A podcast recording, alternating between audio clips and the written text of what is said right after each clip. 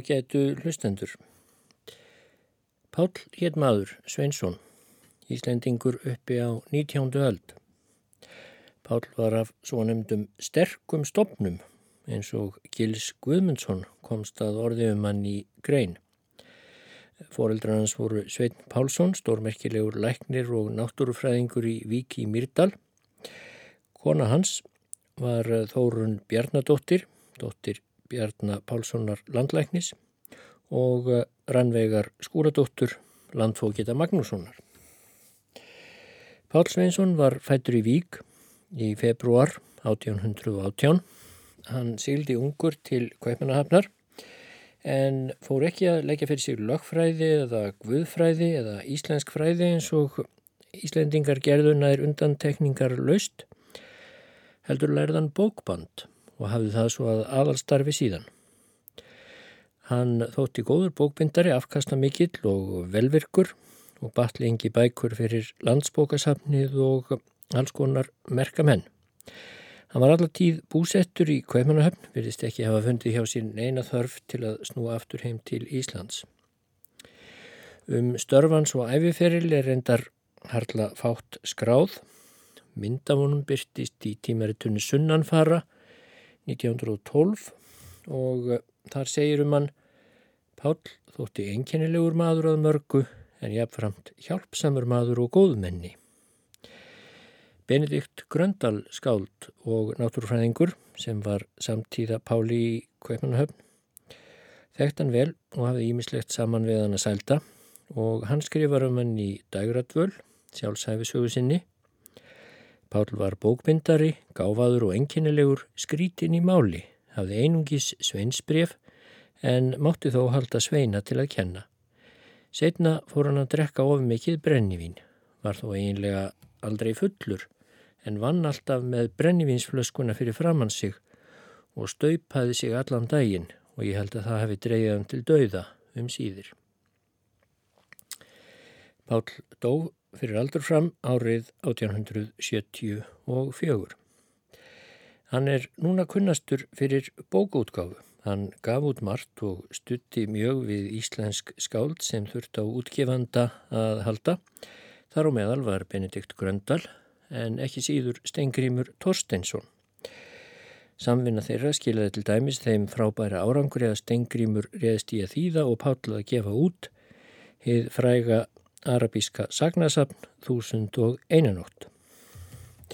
En því er ég að nefna hér Pál Sveinsson að hann átti frumkvæðið að því ásamt með Steingrími Torsteinsinni að gefa út tímaritið nýja sumargjöf en útgáfa þess hóstum 1850 og tímaritið var því miður ekki gefið út nema fimm sinnum. Þetta var fróðulegs og skemmtirít í háum gæðaflokki eins og segir í grein Gils Guðmundssonar sem ég nefndi áðan. Það flutti engum nýtt efni sem valið var af smekkvísi og snúið á ákjæta íslensku. Þar byrtust smásögur, skemmtilegar sagfræðilegar frásagnir, líflegir þættir úr ríki náttúrunnar fróðuleiksmólar af ýmsutægi, dæmisögur, stuttar gamansögur og skrýtlur. Og Hannes Pétursson skáld sagði um þetta tímaritt Ný sumargjöf egnaðist marga vini meðal íslenskra lesenda því hún kom færandi hendi. Þjóðin átti þá völ á litlu nýju lestrarefni, vel sömdu og fjölbreyttu.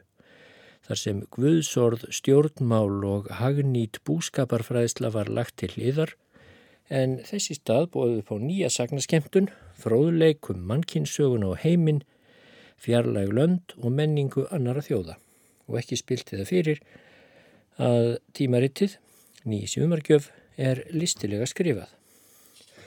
Og nú í þessum þætti ætla ég að glukka í eina grein sem byrtist í öðru hefti nýrar sumargjafar og fjallar um jarðskjáltan mikla í Lissabon árið 1755. Það mun hafi verið Benedikt Gröndal sem hafi umsjón með þessu hefti nýrar sumargjafar og hefur því tekið saman og þýtt þá grein um jarðskjáltan sem byrtist í tímaritinu.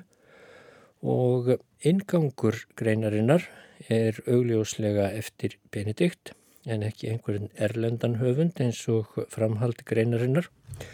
Og hún lýsir á skemmtilegan hátt eða þar að segja þessi ingangur hvernig Íslendingar og íslenskir vísindamenn litu á jarðvísindi í þá daga um miðja 19. öld. Það er að segja af jarðskjáltanum í Lissabon 1755 að hann er einn mannskeiðasti jarðskjálti sem vitaður um í sögunni Það er ekki vitað nákvæmlega hver margir dóu en kannski voru þér alltaf hundrað þúsund. Og jarðskjáltin er þó líka frægur fyrir það að hann er eitt sá fyrsti sem þokkarlega vísindarlegar skýrslur eru tilum og því hefur til dæmis verið hægt að meta styrkans. Hann er talin hafi verið 8,5 til 9 á ríkterkvarða sem sínir best kvílikar hamfarir þarna voru á ferð.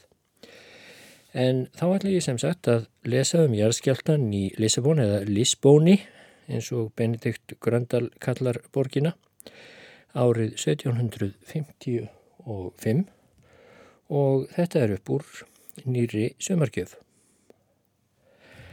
Árið 1755, fyrsta dag novembermánadar, var sá atbörður í Portugal sem mennirnir ekki mega neitt á móti, hvorki með afli nýja visku.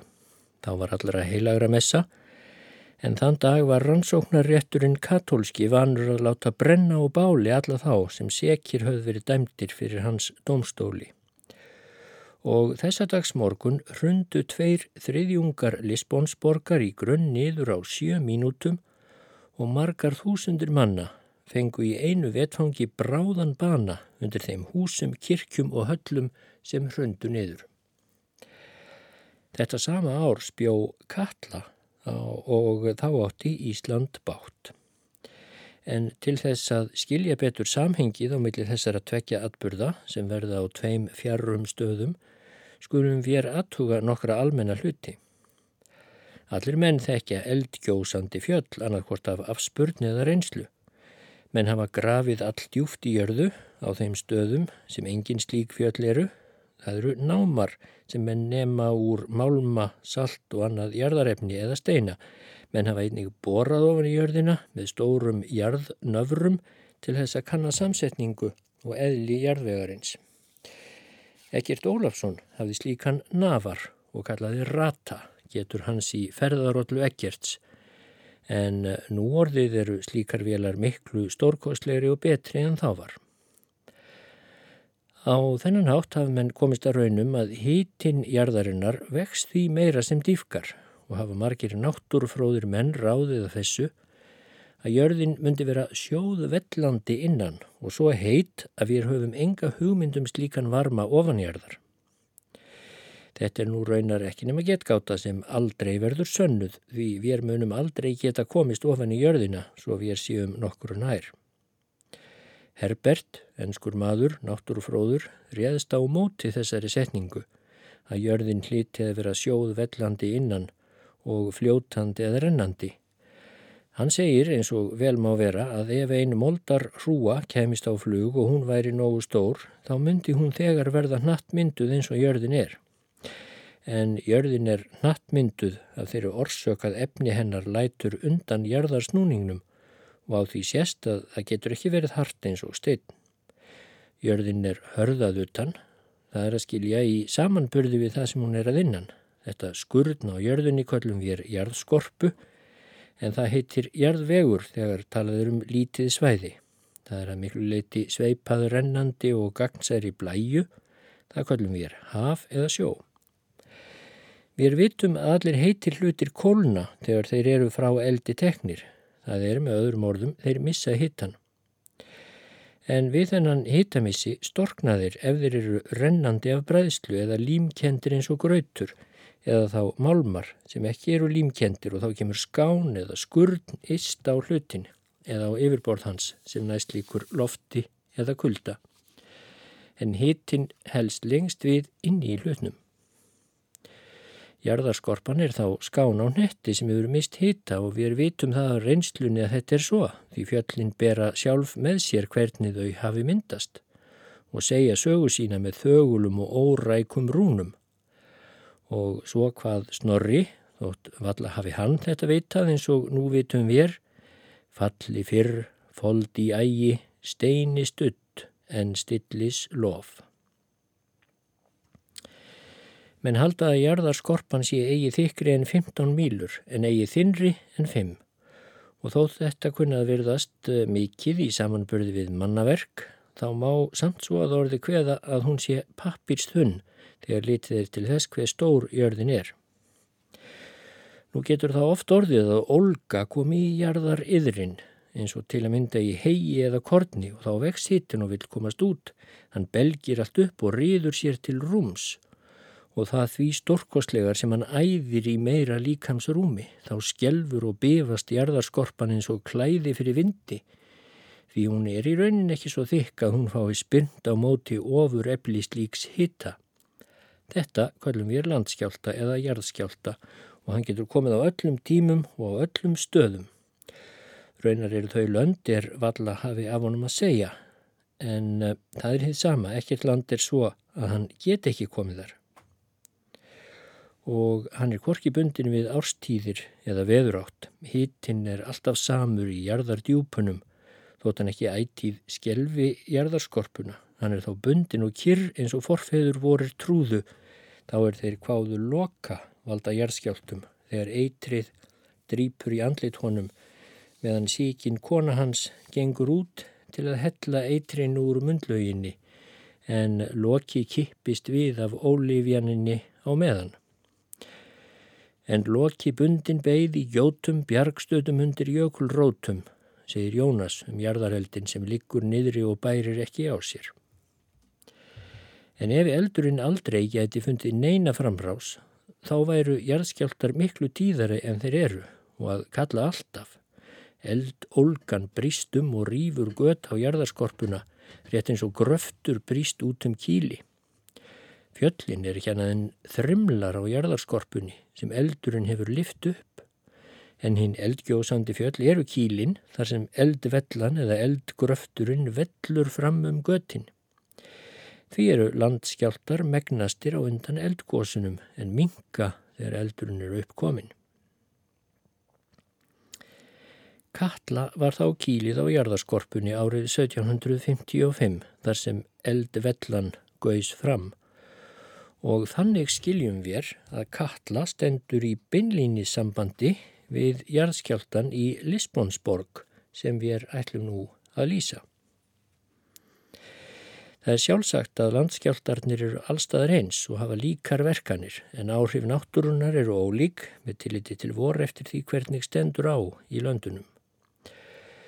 Á strjálbyggðulandi eins og Íslandir og á öræfum uppi er eigðileggingin miklu öðruvísi og minni af því þar er ekkert til að eidilegja engin mannaverk og fáir menn til að deyja.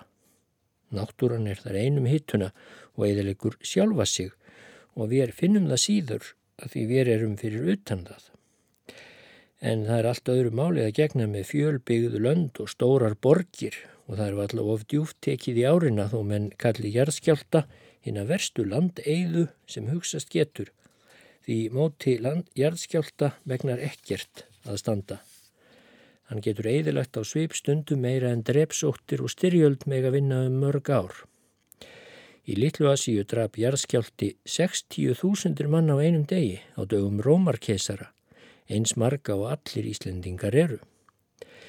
Í ræktuðum löndum eru ekurur og aldingarðar og alls konar blómi og mennirnir hafa framleitt úr skauti hérðarinnar um margar aldir með elju og ástundan og þetta getur allt farið hörmulega á svipstundu með því að jarðvegurinn verður eins og í hafróti og sáðurlönd og skóar því líkast sem á flotfari. Moldin rótast upp og skóar eikur ripna upp af rótum. Það hefur og orðið að akurlönd sem leið hafi í fjálslýð hafa skriðið ofan á undirlendi með öllum blóma og á landaregn annara manna og hefur mál orðið úr þar sem landsdrottin vildi helga sér það sem á sitt land væri komið. Í fjölbyggðum borgum eru háhús, þrjár og fjórar glukkaraðir á hæðiða meira, turnar og stórar byggingar sem hlaðnar eru og múraðar af lími og grjóti. Þegar nú jarðarskorpan eða grundvöllurinn reyfist og gengur til og frá, þá missir allt þetta jafnvægið og hrinur og fólk verður undir. Eldur fellur úr eldstónum og kveikir í öllu. Það sem borginna líkja við sjófram, þar geysist sjórin upp á löndin og færir allt í kaf og á flott, ekki að því sjórin vaks eða hækki, heldur af því að jarðvegurinn sökkvist snöglega eins og í dælda niður og þá rennur sjórin þar upp og sogast út aftur þegar jarðvegurinn rýs fyrir eldólgunni. Lisbonsborg stendur við sjóframmi þar sem áinn Takus rennur út í Allandsaf, er áinn þar afar breið eins og vík. Þar fyrir ofan borgina er frýtt land og frjósamt, þar eru klettar og hæðir með skuggsælum runnum og aldinskógi, hinn fagurblái geimur faðmar speilslétt sjávardjúpið og gulleplin skína með undursamlegum bjarma í dimskigðum laufum. Lækir buna af fjöllum ofan eins og silfurreimar og vínviður slöngvist upp með staðgóðum eikum. Þannig er þetta land. Það var sem sé hinn fyrsta nógumbir eins og við gátum um á allra heilagra messu og ótal auðmingjar, sekir eða síknir lágu í fúlum dýblissum og áttu nú ekkert annað eftir að starfa í þessum heimi en að verða lifandi og bál borðnir eftir dómi trúarrannsóknarinnar sem var Sigur dýrð katholskunnar, svo er hún aldrei fær af sér þvegið. Sólinn reys upp af austursölum, fögur og blíð og hún bifaðist ekki nýja bliknaði í sinni himnesku ró. Himinin var öldungis heiður og skílaus og allt kyrt og lengt. Engin fyrirbóði, ekkert merki um að neitt myndi að höndum bera ofanilegt. Á einni klukkustund, frá nýju til tíu fyrir háttegi, var allt um gardi gengið. Þá kom fyrsti kipurinn og borgin hrundi að grunni niður. Þá voru allir orðnir jafnir allt í einu, fyrstar og förumenn, auðmingjar og auðmenn og jörðin svalg aftur þau auðæfi sem ágirind og ofsi hafði rutt upp úr skauti hennar með ójöfnuði og píslum. Höll trúaransóknarinnar, sem við munum drepa á setna, var einhver hinn fyrsta bygging sem hrundi. Þá hrundi konungshöllin, en konungur var þar ekki heima, heldur var hann í þann tíma á skemmti höll sinni sem Belem heitir. Svo höll er í fáru fjallendi skamt frá Lisbóni, þar var og frendfólk konungs með honum og vildarmenn hans. Sendibóði Spánverja ætlaði að forða sér úr höllinni en hallarhurðin skelltist á hann um leið og hann gekk út og fekk hann bana. Jésúítaskólinn, ákaflega mikil byggingu fögur, hrundi ofan yfir alla sem þar áttu heima og komst engin undan. Á torki því sem Roxíó hétt tóku þungaðar konur jöðsótt og ólu börnum hábjartan dag að öllum áhorfandi.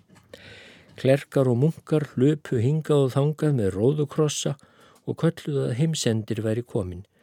Sumstaðar ómaði ymdar vein upp úr saman hrundum kvelvingum, sumstaðar geistust eldslogar fram úr rústunum og eittu öllu því sem jarðskjáltin hafði ekki sundur rótað. Gamalmenni, konur, sjúklingar og ungborn sem kvildu í rúmum sínum köpnuðu og mátti engin hjálpa eða þá húsin hrundu svo að enginn komst út og dóu þar allir hungurdauða. Hvergi var annað að sjá en hræðslu og örvendingu, allstaðar heyrðust emdar hljóð og ílsárar stunur degjandi auðmingja. Þá dóu allt í einu fjör tíu þúsundir manna.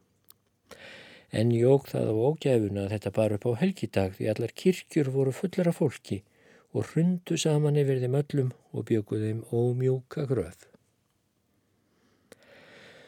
Nú bættist enn annað ofan á jæðskjáltan til þess að eigða borginni.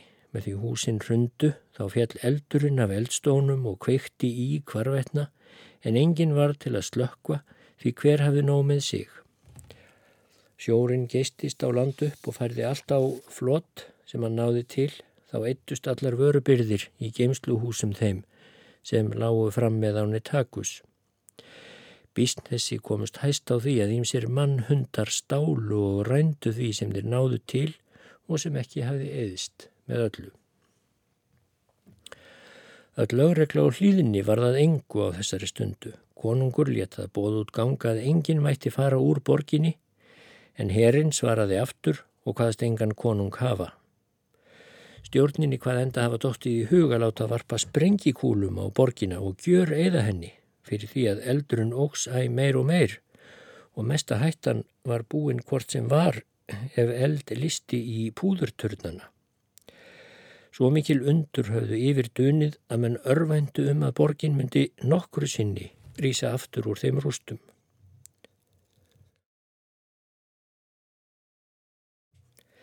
Sendi bóði Pávans reytum þær myndir bref frá Lisbóni til Madrid og reyt fyrir bæjarnafnið á brefið skrifað á landi því er Lisbón stóð áður. Þannig leiði nú fyrsti dagurinn en eigi var hættan á enda fyrir það. Allir flýðu úr borginni sem gáttu og leituð upp á hæðun okkra er lág í námd við borgina. Þar komu saman margar þúsundir manna, karlar og konur og af öllum stjettum. Þar voru allir jafnir, því allir voru jafn hjálparlausir og jafn trublaðir. Næstu dagan eftir hjartskjáltan var óurlegt mjög í borginni. Sjómenn, hermenn, sakamenn og blámenn sem höfðu setið í dýblissum komust úr böndunum því að dýblissurnar sprungu sundur við hrunið og hlöpu þeir það út um borgina, grófu til fjári í rústunum, ruttust inn í húsin sem ósköttuð voru, rændu fjemunum, nöðguðu kvennmönnum, myrtu og drápu og gerðu alls konar spellvirki. Var það henn mesti vandi að halda nokkurn veginn reglu við í slíkum ófögnuði. Þá voru ógreistir margir gálgar og hver sá hengdur miskunarlaust og yfirheyslu laust sem peningar fundust hjá eldbornir eður var handsamaður í fjárgreftri. Egi var því að fagna að jarðskjálti þessi væri á enda á einum degi. Tók jörðin kippi um marga mánuði með fáradaga millibili og stundum óurlega. Áinn takus varð afar mikil og rann mjög yfir bakka sína en sjórin svall og olgaði eins og fyrir stormvindi þótti lengt væri. Hann gekk á land upp margar mílur en fjöldi skipa slittnuðu ímist upp eða brotnuðu og sukku í hafrótinu. Steipirikningar gengu og í sífellu og dundu yfir þá sem flúið höfðu upp á hálsana í kringum borgina, dóð þar fjöldi manna úr vósbúð, kulda og sulti, en það þó þeir eigi tíndust í jarðskjáltanum. Jósef Portugals konungur varð örfinglaður af allir þessar eimt og var fyrstu nóttina út undir berum himni í vagni einum en síðan í tjaldi og var þar lítið um dýrðir. Hafði konungur hvorki vit nýja krafta til þess að koma neinu því til leiðar er víkjamætti óhaminguna. Ráðgjafa átti konungur sér sem Pompal hétt, hann var maður vitur og skarpskign og henn mesti at atferða maður hyrti hann korki um ættmenn sínan í heimili, heldur fórað heimann þegar er jarðkippurinn fyrsti kom og leitaðist við að um, afstýra vandræðunum svo sem best máttu verða. Og þótt hús Pompals stæði óskattað mitt á milli hrunina bygginga þá kom hann samt eigi heim marga daga. Hann tók sér bústað í ferðavagni og honum einum tókst að frelsa Lisbónsborg frá gjörsamlegri eðileggingu var það viturleik hans að þakka og snarræði. Fjöldi manna ætlaði á braut úr borginni fyrir fullt og allt en hann afstýrði því eins og þegar Kamilus hamlaði líðnum endur fyrir löngu frá því að skilja við rómarústir. Bombal let líka borgina kvarvetna með hermunum sem ráku aftur þá sem hugðust flýja og neittu hermeninnir skrílin til að hafast ekki að. Hann let og fá þeim vistir og herbergi sem eftirlifðu. Hann let draga limlesta menn undan hruninu, jarða dauðamenn og slökkva eldin. Þau héruð sem óskert voru af jarðskjáltanum voru látin aðstóða hinn að vesælumenn með vistum og öðrum nöðsinjum var það allt gert að bóði Pompals.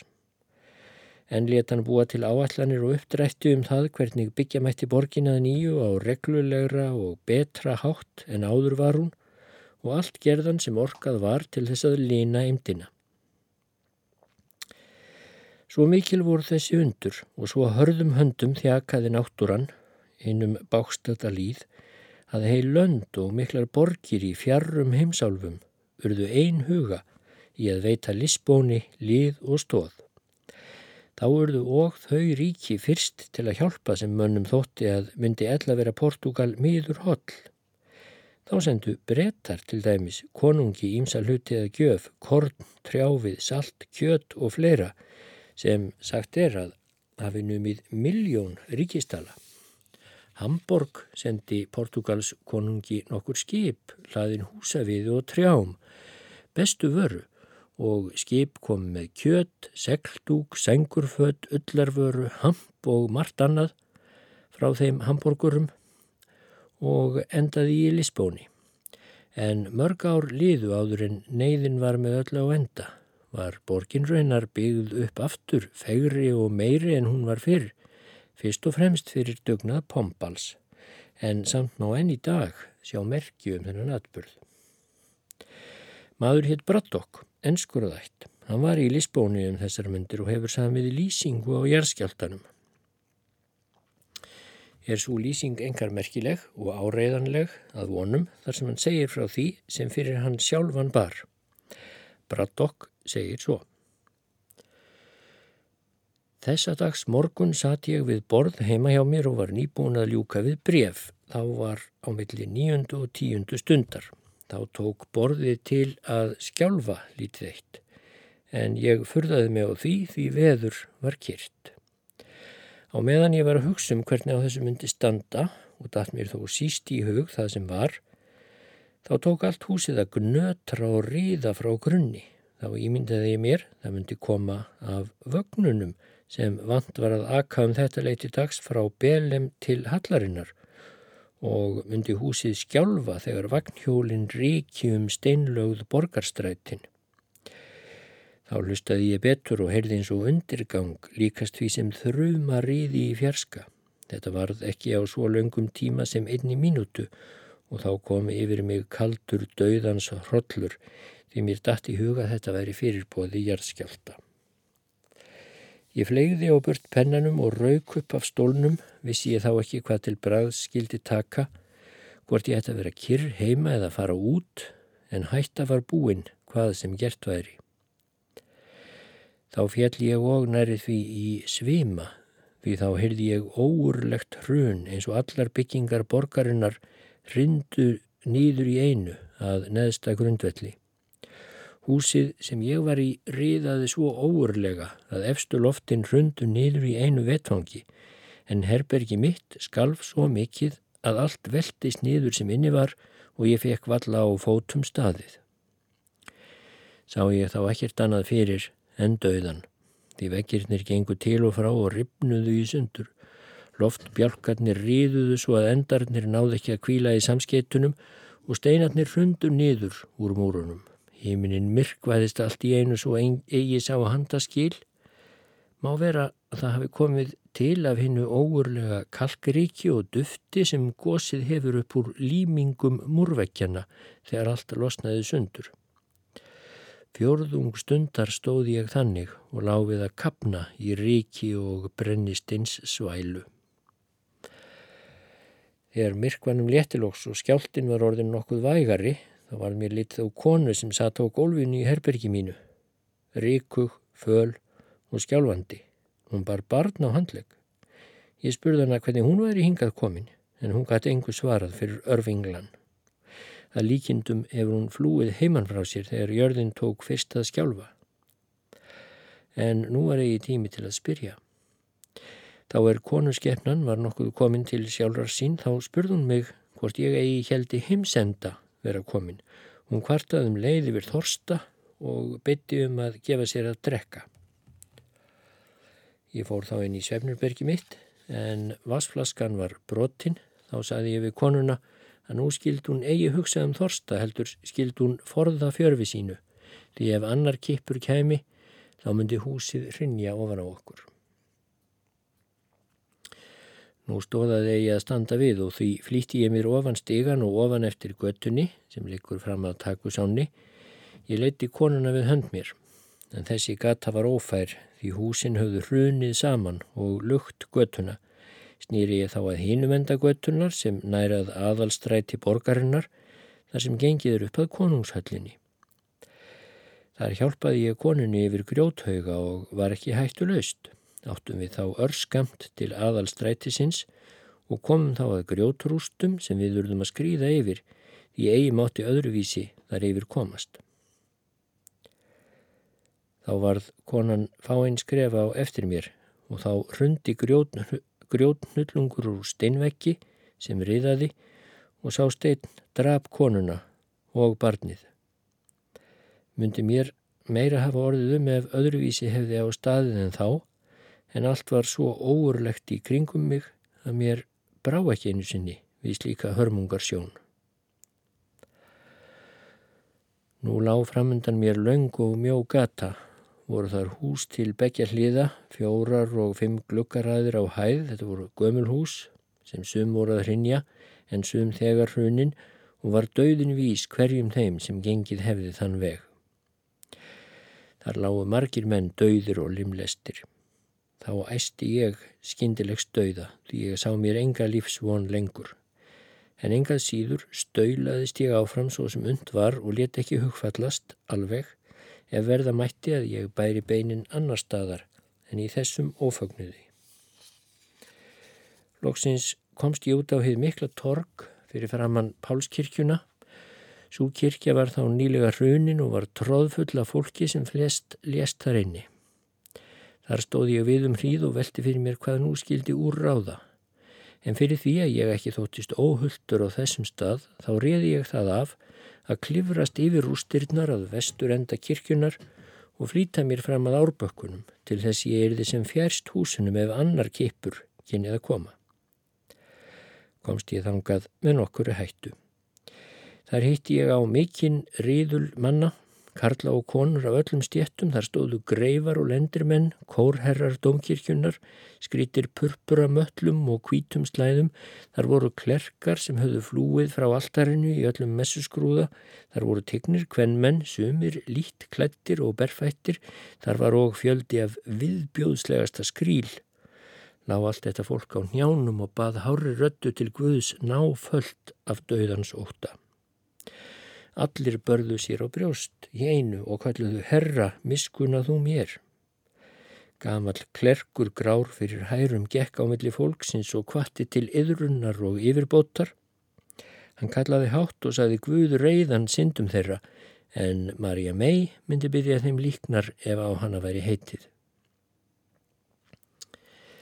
Þá kom annar kipur, alltaf því eins harður og hinn fyrri og var þá úti um allar bænagerðir.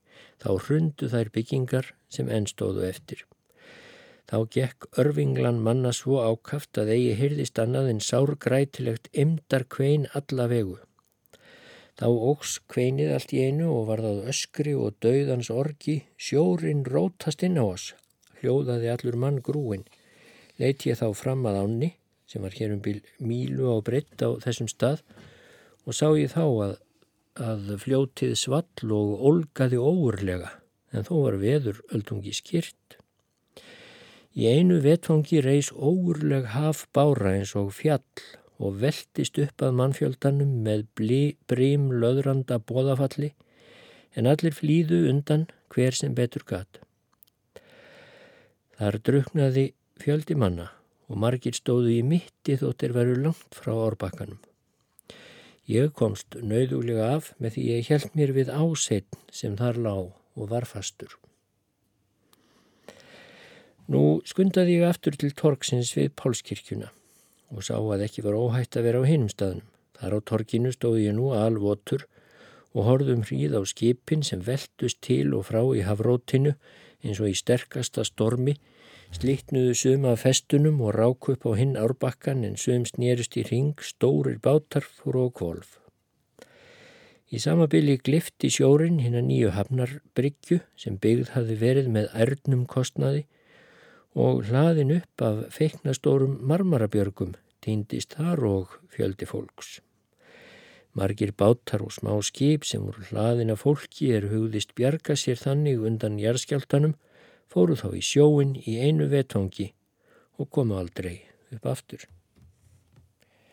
Skipherran okkur sem var á skipi sínu skamt var á bryggjunni og horða á þetta allt saman sagði mér setna að hann hefði séð borgin að ganga í öldum eins og sjó við setni kipin. Jarðskjáltin var svo harður undir ánni að stórt akkeri hendist upp úr botninum og hátt í loft upp. Við þennan kipp diffkaði á ennum tíu álnir í einu vetfangi og grindist svo undir eins aftur. Þá sá skipherran og hafnarbyrgjuna hverfa í djúpið með öllu fólkinu og kom ekkert upp aftur. Má vera að jörðin hafi opnast og solgi þetta allt en lugst aftur saman svo allt varð með sömu ummerkjum og fyrr. Vinnur minn einn saði mér frá öðrum undarlegum hlut. Hann bjó hinum einn árinnar og átti þar vínuverslun. Hann sagði að húsið hefði fyrst leikið allt á reyðiskjálfis og allt fólkið þusti út og þá hefði fallið förðu mikill bjarg niður rétt við húsið, síðan hefði áinni vaksið og þverrað snöglega og hefðu þá komið rauvarmargar og mjóar á flötunum þar umhverfis en upp úr þeim raufum hefði örgn smár og mjallkvítur sandur gósið óurlega hátt í loft upp eins og vaspunur. Er auðsætt að eitthvað hefur gengið á í jörðunniðri. Þá er ég hafði staðið um hríð á Pálstorkinu kom þriði kipurinn, nokkuð vægari en hinnir báðir, ógst á sjórin og þverraði eins og fyrr og með svo mikill ákjafð að hann tók mér í hnje fyrir en mig varði hinn minsta en varpaði skipum hátt á þurrlendi upp og hafðu sum leið við akkeri á sjöfaðma dýpi. Skipherran okkur kom til Lisbons skömm eftir jarðskjáltan og saði mér að hann hefði fundið jarðskjáltan svo harðan 40 vikur undan landi. Hann held að skipið hefði snöglega steitt á skeri en þó fann hann engan botn með sökkunni. Hvaðast hann ekkert hafa skilið í þessu fyrir hann sá hvernig Lisbón leit út. En þarna stóð ég nú á torkinu, úrræðarlaus, því hættan var söm á báðar hendur, sjórin gatt tekið mig, húsin gáttu hrunið ofan á mig. Reði ég þá af að ganga þangað sem peningaverksmiðjan var. Það var látt hús og ramgjert og stóða mestuleiti og skattað. Hafðu allir hermenn flúið þaðan, þeir er þar áttu að halda vörð fyrir utan nema fóringin. Það var lensmanns sonur á tvítúksaldri. Ég talaði fáinn orð við þennan mann og tók til þess við hann að hann einn skildi eigi hafa æðrast en stæði kyrr þótt hinnir flýðu. Hann ansaði mér á meldi, þótt ég vissi að jörðin myndi gleipa mig hér, þá myndi ég aldrei tróða skildu mína undir fótum. Það var þessum unga manni að þakka að peningasmiðjan varð ekki brotin upp af þjófum og fúlmennum en þar voru reyndar gemdar tvær miljónir dala í gulli og silfri. Þennan dag átti ég að sitja að vestlu hjá einum kunningja mínum sem bjó í háu húsi í miðri borginni. Var honum því mikil hætt að búin. Mér fyrst, fyrsti að vita hversu honum liði og ætlaði ég að leytast við að fá að vita það. En ekki árætti ég að halda aftur sama veg og ég hafði áður gengið. Heldur gekk ég yfir rústirnar á Pálstorkinu og yfir hið mikla torg Írska klaustursins, Corporis Sancti, sem var runið niður yfir fjölda manna. Þar á torginu stóðu margir menn og horðu hryggir og þegjandi á grjóthaugana. Þaðan stemdi ég á konungshöllina en það stræti sem ég ætlaði að ganga var fullt af grjóti, það var sjónleikahúsið sem runið var að grunni niður. En þótt að væri eitthvað til tröstbyggðasta hús í norðurálfunni hafði verið byggt eigi alls fyrir lungu og kostað ógrinni fjár en var nú hrunið. En leitaðist ég við að komast yfir á Hallartorkið mikla en þar voru einnig grjóthaugar fyrir því öll konungshöllin var hrunin og ekkert herbergi eftir. Mundu konungur og allir hans menn hafa látist þar ef þeir hefðu verið heima. Dómkirkjan sem var í námtuð höllina var hrunin og helst þakið og fremstu vekkirnir Þá var og konungskapellan hrunin og einhver hinn fegursta bygging nýjastíls með óurlega þykkum stinnveggjum dundi grjótflögið þar ræðilega. Allt hallartorkið var fullt af vögnum og kerrum, hestum og múlöstnum, hafði allt fólk flúið þaðan en eikirnir stóðu nötrandi af ótta og var auðsætt að dýrin kendi til í slíkum nöyðum og uglu tryggð náttúrunar, en það fóru stýrin flest af hungri og grjótrunni. Lóks komst ég þangað sem kunningi mín átti heima og hlaut ég að ganga þangað yfir langa götu og þrönga. Þar tók nú yfir, því þar var ekki annað að hitta en degjandi menn og dauða nái. Dauða org og eimdar hljóð ómuðu upp úr grjótrundum gröfum þar sem yllar vættir höfðu jarðsett lifandi menn sem átt að deyja þar kvimleiðum dauða. Þar varð valla áfram komist fyrir grjóti, brotnum, vögnum, föllnum, eikjum, mölvuðum húsbúnaði Þar úði af fagur skreittum, kvennmönnum, klæðlittlum, aumingjum, klerkum, munkum, skrautbúnum, herramönnum og alls konar öðrum mönnum, allir börðust við döiðan.